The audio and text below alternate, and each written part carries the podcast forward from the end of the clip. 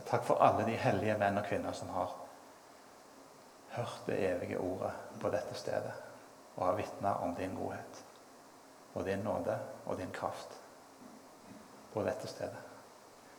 Og nå stiller jeg meg i den rekken for å fortelle om dine velgjerninger. Jeg ber om at du kvikker opp min ånd og gjør tanken klar. Slik at du kan æres slik som du bør. Amen.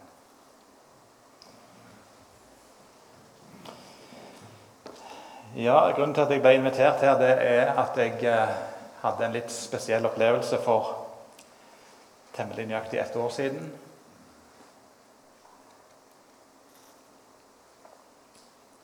Jeg var på et sted som ikke veldig mange kommer tilbake fra. Det er ingen tvil i min sjel om at jeg var i dødsskyggens dal. David sier i Salme 23, vers 4.: Ja, selv om jeg må vandre gjennom dødsskyggens dal, frykter jeg ikke for noe ondt, for du er med meg, din kjepp og din stav, de trøster meg. Og jeg kan vitne om at det er sant. For jeg var i dødsskyggens dal, og jeg hørte, og jeg så, og jeg forsto.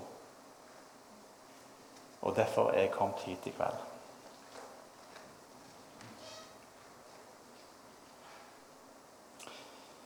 Sent på kvelden den 4. januar i fjor så ble jeg frakta til sykehuset i Stavanger. Jeg var alvorlig syk av korona. Jarle vil ikke si hvem som bærer mitt etternavn her inne, men eh, dere vet det sikkert, de fleste.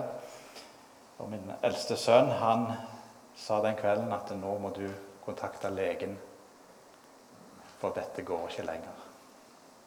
Og hadde ikke han sagt det, så kunne det være at jeg sto her likevel hvis Gud ville det. Men da måtte han nok vekke meg opp fra de døde. For da jeg kom inn til sykehuset, så var jeg bevisstløs, og de la meg inn på isolatet på intensiven med en gang. Og det er ingen tvil om at eh, det som, som skjedde da jeg kom inn, da jeg ble bevisstløs, så var jeg i en kamp med veldig mørke krefter. Jeg så fryktelige ting, og det var krefter som ville dra meg ned i dødsriket. Jeg kjempa veldig hardt, og jeg ropte og jeg ropte på Gud. Og jeg tenkte hva tid tar dette slutt? Hva tid tar det slutt? Noen må komme meg til unnsetning og hjelpe meg. Og jeg var helt helt hjelpeløs. Og så plutselig ble alt helt stilt. Helt stilt. Sånn at det som jeg har å fortelle, det, det har jeg på sett og vis eh, opplevd fra en annen bevissthetstilstand enn de som var rundt meg og så dette. Først og fremst min kone, som har fortalt meg mye i ettertid, og legene og sykepleierne på sykehuset. For jeg sa jo eplekjekk til familien da, familie, da ambulansen var på adressen vår i, i, i Randaberg. Jeg er nok tilbake igjen i morgen tidlig. Det var jeg ikke. Det skulle gå 73 dager før jeg var tilbake.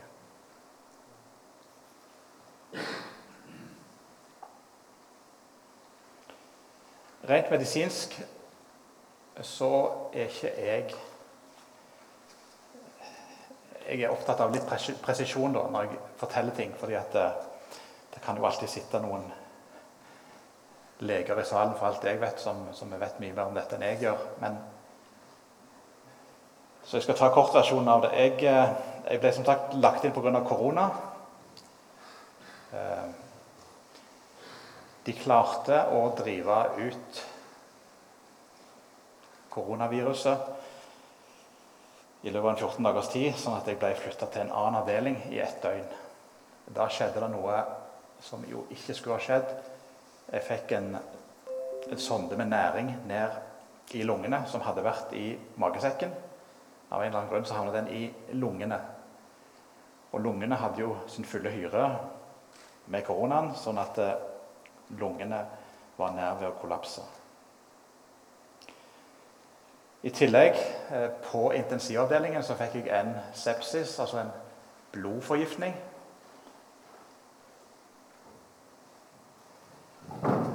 Og den Altså når du er på intensiven og er overvåka 24-7, så, så, tenker man at det er lett match å finne ut hvor en blodforgiftning kommer ifra. Men det fant de ikke ut av. De leita da i fem dager før de fant ut hvor den kom fra. Og det var den blodforgiftningen som holdt på å ta livet mitt. Det var den som var verst. Nyrene kollapsa. Og jeg måtte få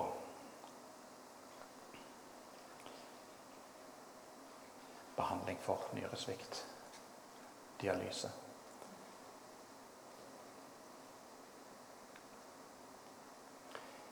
Når du er i en sånn tilstand som det, så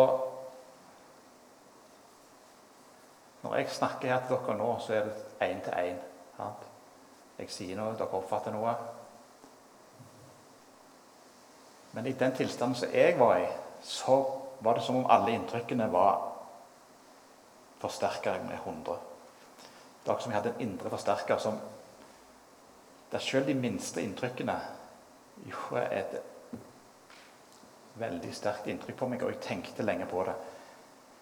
Linda, min kone, hun fikk beskjed om at nå må du snakke til han som om han hører deg. Du må snakke om helt dagligdagse, vanlige ting. Og du må gjøre det med en stille og rolig stemme. For mange som er i den tilstanden som han er i nå, de er mye plaget med angst og uro. Det som kalles for delirium på fagspråket. Det er vel Om delirium og psykose er det samme, det vet jeg ikke, men uh, det er iallfall Jeg forsto det på min lege etterpå at det var, kunne være det samme. Men det som var underlig, det var at når Linda satt ved min side og snakket til meg, så hørte jeg alltid sammen. Jeg hørte hvert eneste ord. Og jeg kan gjenta de her i kveld, hva hun sa. For hun sa til meg, 'Harald, nå er du veldig alvorlig syk.' Du ligger på intensivavdelingen på sykehuset. Men vi er rundt deg og vi skal støtte deg alt vi kan. Så fortalte jeg om alle de på de forskjellige stedene som ba for meg. Så De ber for deg i Imi-kirka, de ber for deg på Finnestrand. De ber for deg i huskirka di. De ber for deg i Thailand. Det gjorde inntrykk på meg enormt inntrykk. Er det sant at de ber for meg på alle disse stedene? Da må jeg jo være veldig syk. For jeg forsto ikke helt at jeg var syk, for jeg lå i fullstendig fred. I en total fred lå jeg.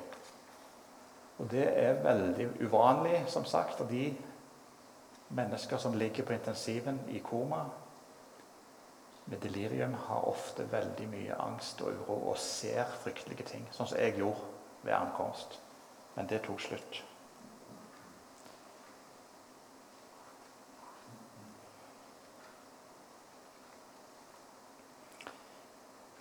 Rundt den 25. Eh, januar så var det på det mest kritiske. Eh, Linda hun så på alle verdiene på apparatene på begge sider av senga. Hun så feberen steg, CRP-en steg. Alle verdier steig motsatt av det de skulle. Og det jeg skal fortelle nå, tror jeg hendte akkurat på det tidspunktet da det var som mørkest. Og to forbedere har helt uavhengig av hverandre fortalt til sine ektemenn Jeg har snakket med de begge to, de kjenner ikke til hverandre. De sa nå kjenner jeg at det snur for Harald. Jeg kjenner det i min ånd. Jeg tror det var på dette tidspunktet. Og jeg så en skikkelse, en svær skikkelse, som var kledd med en krigerutrustning. Det var et fryktinngytende syn. Men det som gjorde mest inntrykk på meg, som fanga blikket mitt, det var et gigantisk belte som han festa rundt livet sitt. Og Hvis jeg skal beskrive det synet med ett ord, så vil jeg si besluttsomhet. Han var fullt besluttsom på å utføre det oppdraget som han var sendt ut for å gjøre. Synet forsvant for meg, men jeg tror, det er min tolkning, at dette var en engel som Gud sendte ut for å berge livet mitt. Og jeg tror at det var alle de helliges bønner som gjorde at Gud sendte ut den engelen. Fordi der jeg lå på intensiven, på det rommet, eh, så lå det et skjermbrett, og så lå det en kar på andre sida av skjermbrettet. Og Han var kommet inn for korona, akkurat som meg. Han var like gammel som meg.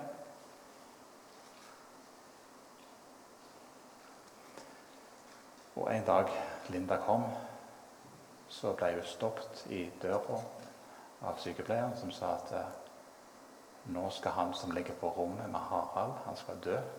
Vi kan ikke gjøre noe mer for han. Presten er der, familien er der. Så jeg har tenkt Hva var det som gjorde at han døde, og jeg fikk leve? Jeg tror svaret er de helliges bønner.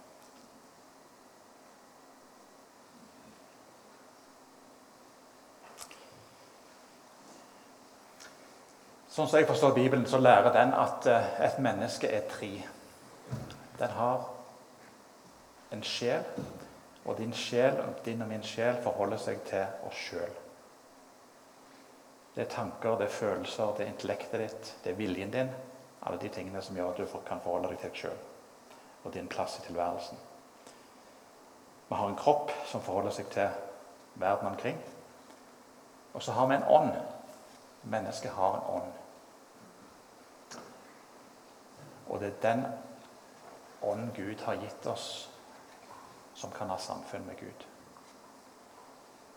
Så som troende så er det din ånd som kjenner Gud. Den som ikke tror, har en død ånd i forhold til Gud. Men for den som tror, så har Jesus Kristus gjort ånden levende. Det står i Efeserbrevet 2. Og jeg tror at min ånd var veldig, veldig våken.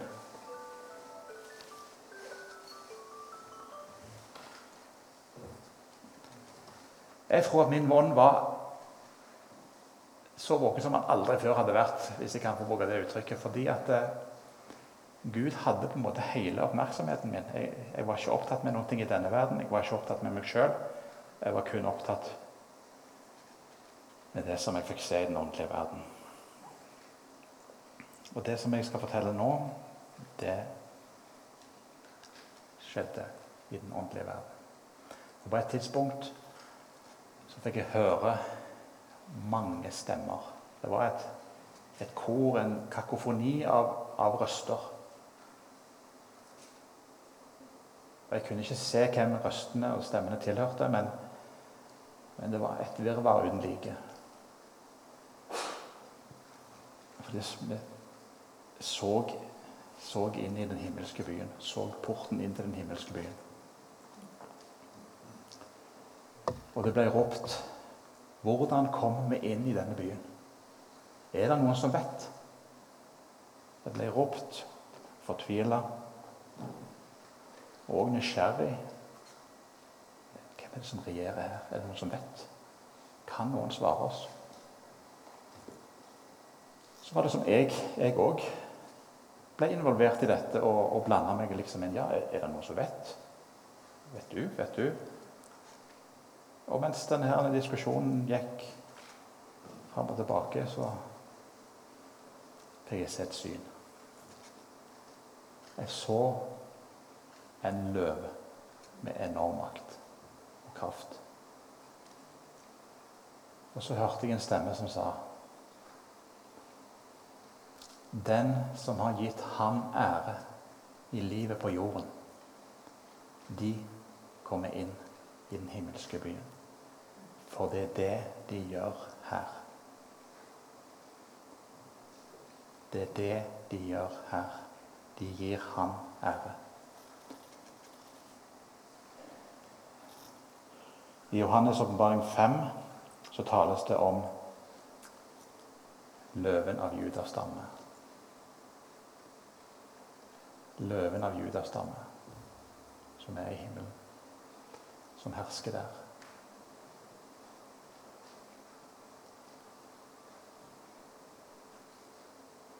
De som har gitt Han ære i livet på jorden, de kom inn her. Så var det som jeg så en by nede på jorden. En gammel fortidsby. Jeg fikk av en eller annen inntrykk en eller annen grunn fikk jeg inntrykk av at den var ca.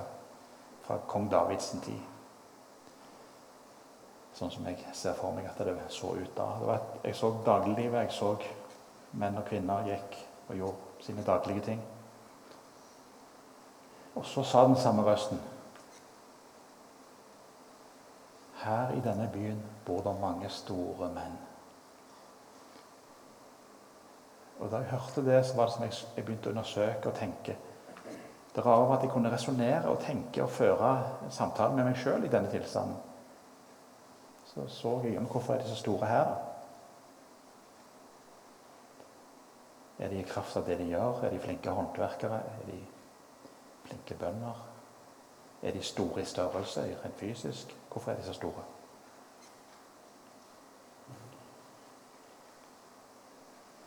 Og så sier denne stemmen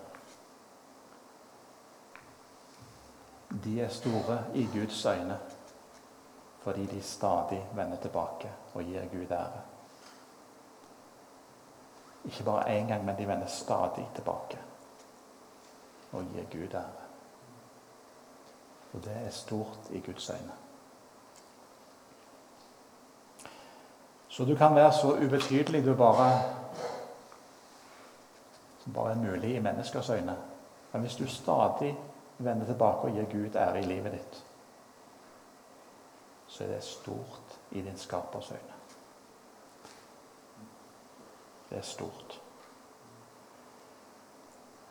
Og jeg fikk det inntrykket, og det, det smerter meg å si det, men, men, men jeg fikk et helt klart inntrykk av det.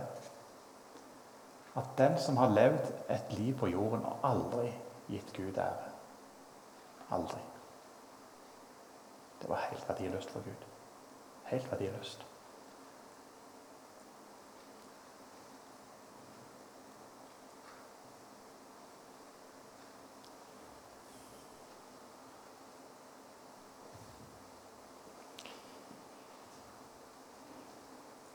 Derfor har jeg tenkt å si noen ting om hvordan vi gir Gud ære i livet. Jeg skal ta det til slutt, fordi jeg vet at mange av dere har hørt historien min før. Så jeg skal si noe om det. Men jeg har også lyst til å fortelle om en annen ting som skjedde. At eh, jeg, jeg opplevde at jeg lå, lå ved hvilens vann, som det står om i Salme 23. At Gud hadde lagt meg der. Du hviler her. Men Det er klart, Etter hvert som jeg våkna etter seks uker i koma og begynte å orientere meg i tilværelsen igjen For jeg trodde jo når jeg våkna De vekte meg. Tok vekk medisineringen, tok vekk respiratoren, tok vekk dialysen.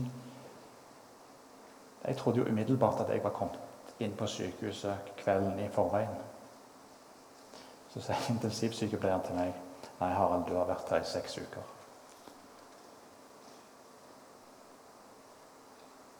Det var vanskelig for meg å tro.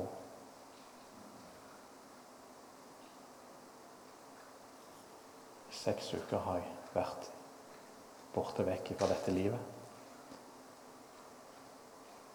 Og jeg har ligget i fred. Men da jeg våkna og begynte å tenke over dette, så, så var jeg jo i en, jeg var jo en hjelpeløs tilstand. Legen sa til meg Harald, du må på det at når du ligger helt i ro med din kropp, så mister du 2-3% av muskelmassen hvert eneste døgn. For kroppen din er skapt for å være i bevegelse. Så når jeg hadde ligget etter hvert 50 døgn, så kan du gange det opp. Da er det ikke mye muskler og krefter igjen i kroppen. Og så begynte jeg å, å tenke, da. For jeg hørte historien om sondenæringen som var på avveie, som var røska opp fra magesekken og havna ned i lungene. Så var det en kveld jeg lå i våken tilstand. Så tenkte jeg på det. Ok, jeg var på intensiven. Jeg var på et veldig trygt sted. Jeg ble overvåka hele veien. Likevel så skjedde dette som ikke skulle skje. Og hvis det skjedde én gang, så kan det jo skje en gang til. Så er det sånn når du lar tanken løpe løpsk, så, så går det litt i spinn. Og så ble jeg grepet av en kolossal frykt for at det skulle skje igjen. Så jeg jeg vendte meg til Gud og begynte å be. be. Jeg ba intenst. Ba intenst til Gud om at han skulle ta denne dødsfrykten bort ifra meg.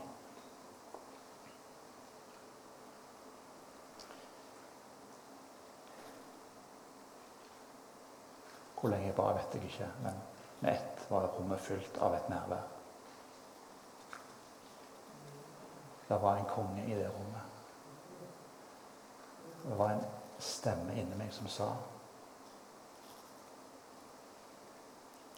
Jeg er han som åpner opp, og ingen lukker igjen. Jeg er han som lukker igjen, og ingen åpner opp. Nå skal jeg passe på organene dine i natt, så kan du sove trygt.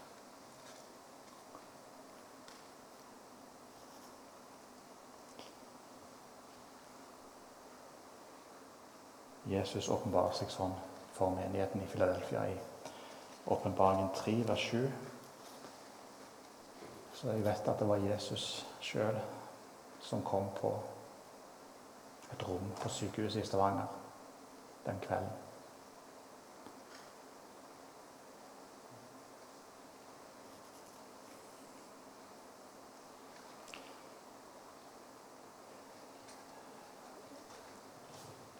Hjemme i leiligheten hjemme hos oss bor det ei, en iransk kvinne som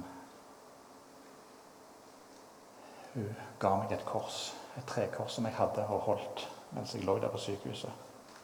Hun ble sjøl en kristen for et år siden og har hatt mange sterke møter med Jesus.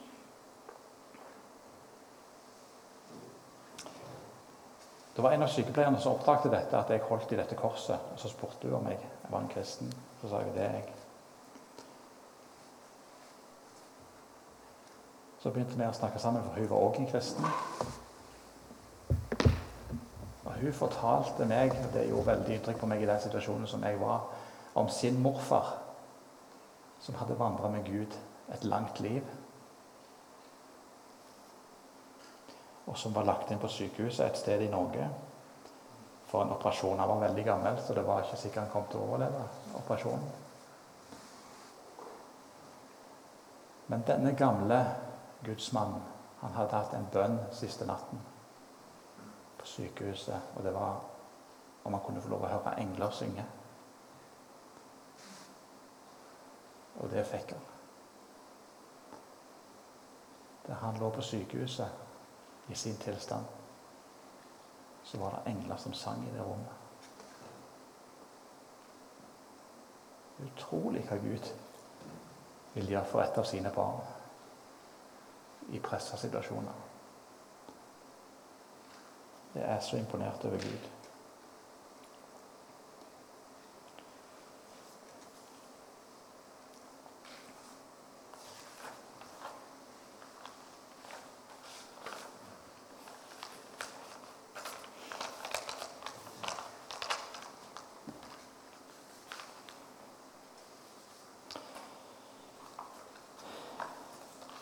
Jeg har lyst til å avslutte med en liten bolk om Jeg har tenkt veldig mye på dette med å gi Gud ære. Hvordan gi Gud ære og elske Gud.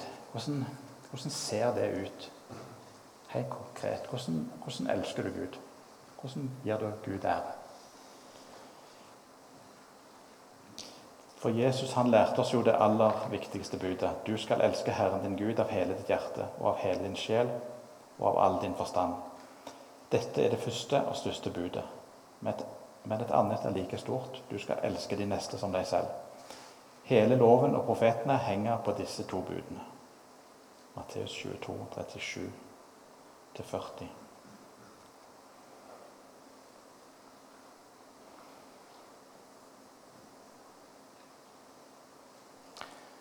Det er én ting vi er nødt til å vite, og det er at å ære Gud og lyde Gud, det henger veldig nøye sammen. Det er ikke alle mennesker, heller ikke alle som bekjenner troen, som forstår dette.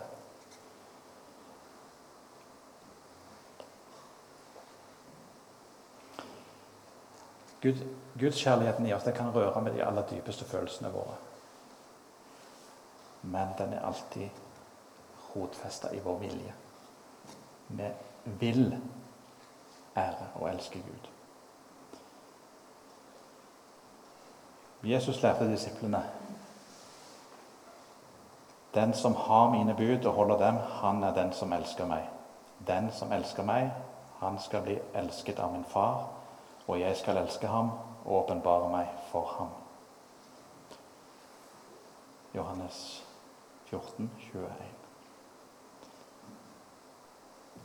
Her er det to ting Jesus sier. Vår motivasjon for å lyde Gud skulle være kjærligheten til Gud. Ikke sur eller tvungen plikt. For det andre Hvis du elsker Gud, så vil det vise seg i lydighet mot Gud. Fordi du har Hans ord, du vet Hans vilje, og du gjør etter den. Sånn viser det i livet ditt om du elsker Gud.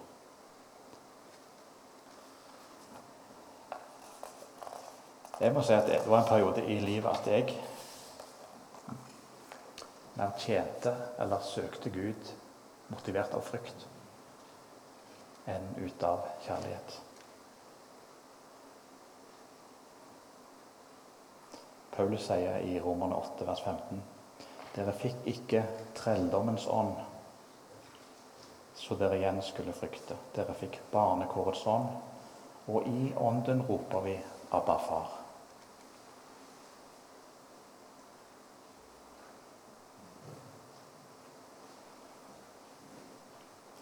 Den som har mine bud og holder dem, han er den som elsker meg. For å kunne elske Gud må du også først ha Guds bud. Du må først vite hva er det som er Guds vilje. Hva er det som er Guds bud?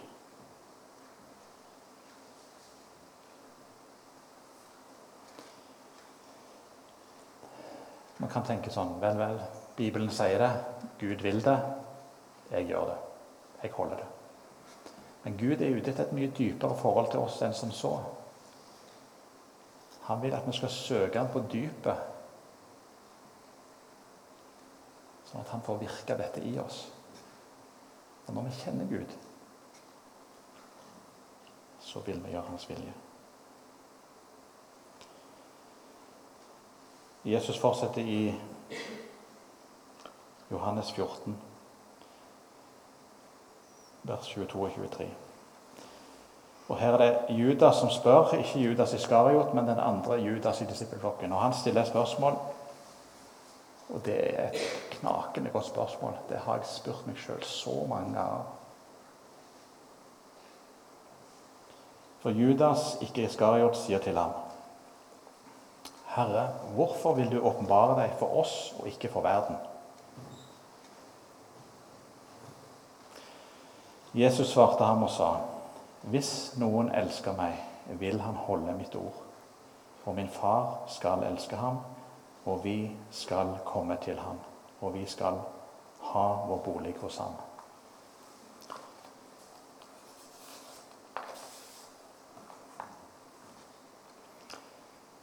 Dette er et veldig, veldig spesielt vers.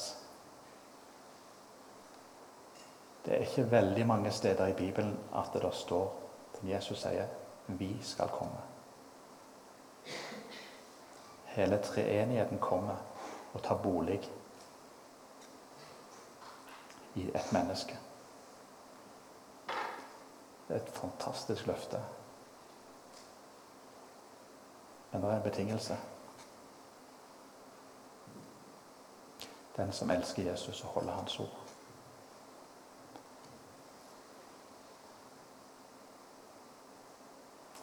Så ut av det så er min slutning hvorfor vil ikke Jesus åpenbare seg for verden? Fordi de ikke elsker han og ikke holder hans ord.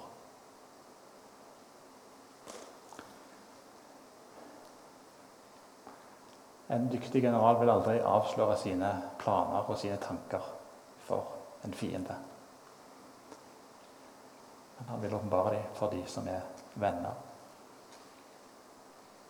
og kjemper den samme kampen.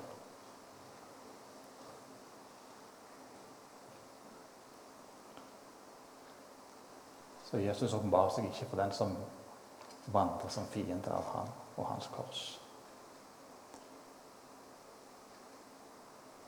Det sier han i fortsettelsen. Den som ikke elsker meg, holder ikke mine ord. For ordet dere hører, er ikke mitt, men det er min fars, han som har sendt meg.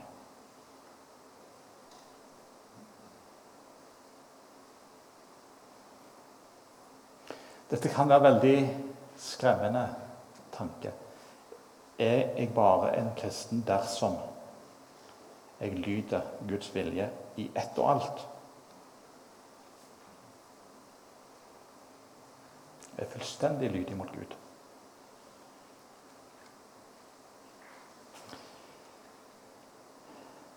Heldigvis er svaret på det nei. Fordi når du tar imot Jesus, når jeg tok imot Jesus, når et menneske tar imot Jesus Kristus, så blir du ikke opplyst om hele sannheten og kjenner Guds vilje 100% i samme øyeblikk. Gud tar deg med på en prosess, en utvikling, en vekst, der han hele veien lærer deg sin vilje. Derfor så blir jeg oppmuntra av Paulus sine ord i Filippane 1, vers 6. Jeg er helt overbevist om dette, at Han som har begynt den gode gjerning i dere, vil fullføre den inntil Jesu Kristi dag. Jesus begynte, han vil fullføre.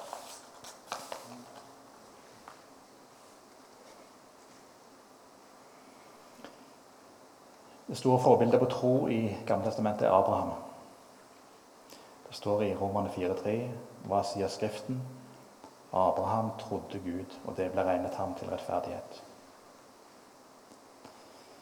Skriften har vist oss noen eksempler på at eh, Abraham ikke alltid var lydig mot Gud.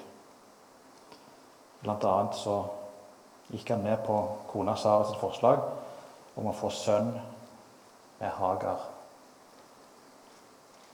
tjenestekvinnen. Selv om han ikke var fullstendig lydig, ble likevel troen regnet til rettferdighet. Nå ble det ikke skrevet bare for hans, altså Abrahams skyld, at den ble tilregnet ham, men også for vår skyld.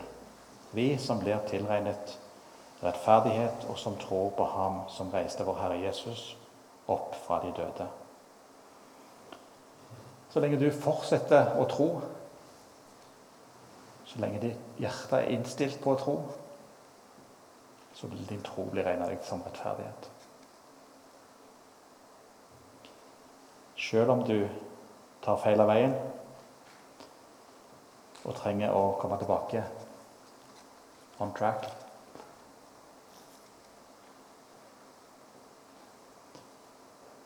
Og jeg tror at for enhver som har vandra med Gud med noen år, så tror jeg dette er så viktig å være klar over at, at du ikke lar fienden få lov å føre deg inn i fordømmelse hvis du snubler eller detter. Følg Abrahams eksempel. Han snubla, han falt.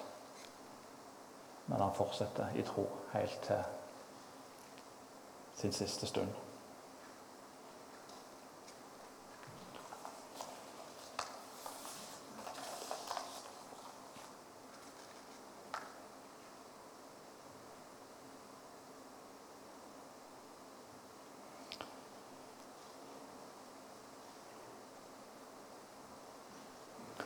Peter han lovte dyrt og hellig for Jesus ved påskemåltidet siste kvelden at han skulle om nødvendig gå i døden for Jesus.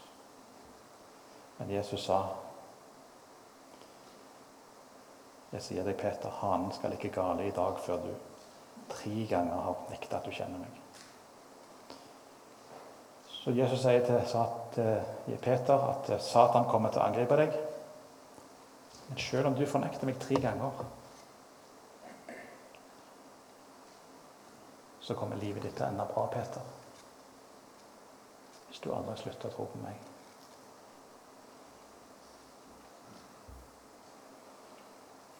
Vi tror ikke på oss sjøl, vi tror på Jesus Kristus.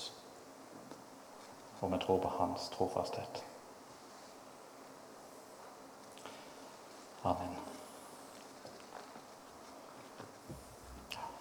Jeg takker deg, Jesus, for at eh, du er villig til å ta imot hver enkelt.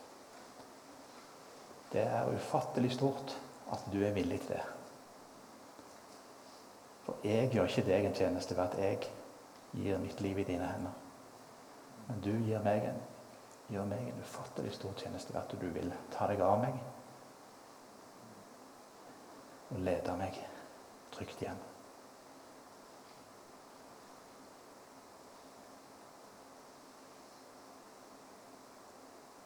Og har levd lenge nok til å se mennesker gå til grunne, ende opp i fortvilelse desperasjon. Fordi de ikke holder fast på deg. Så jeg ber Herre for hver enkelt som er her i dag. Jeg takker deg for at uh, hver enkelt person finnes. Jeg takker deg for at uh, hver enkelt er inkludert i ditt verk. Og uansett hvor de er på veien akkurat nå, så ber jeg Herre om at eh, du skal rekke ut din hånd og legge den på hjertet deres. Og bekrefte dem at de er sett. De er akseptert. De er elska inn i Guds rike ved troen på Jesus Kristus. Så ber jeg Herre spesielt for de som er nedbrutt i sin ånd.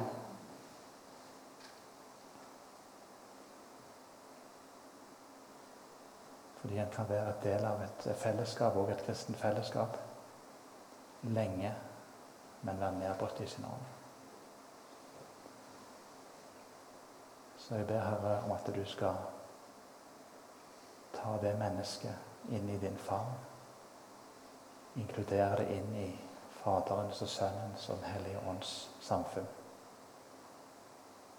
Og bli en del av den beste familien i universet. Det er Guds familie. Jeg takker deg for at jeg fikk lov med din nåde å bli en del av den familien. Jeg vet at det var ingenting i meg sjøl som tilsa at det skulle bli tilfellet. Det er bare i din nåde.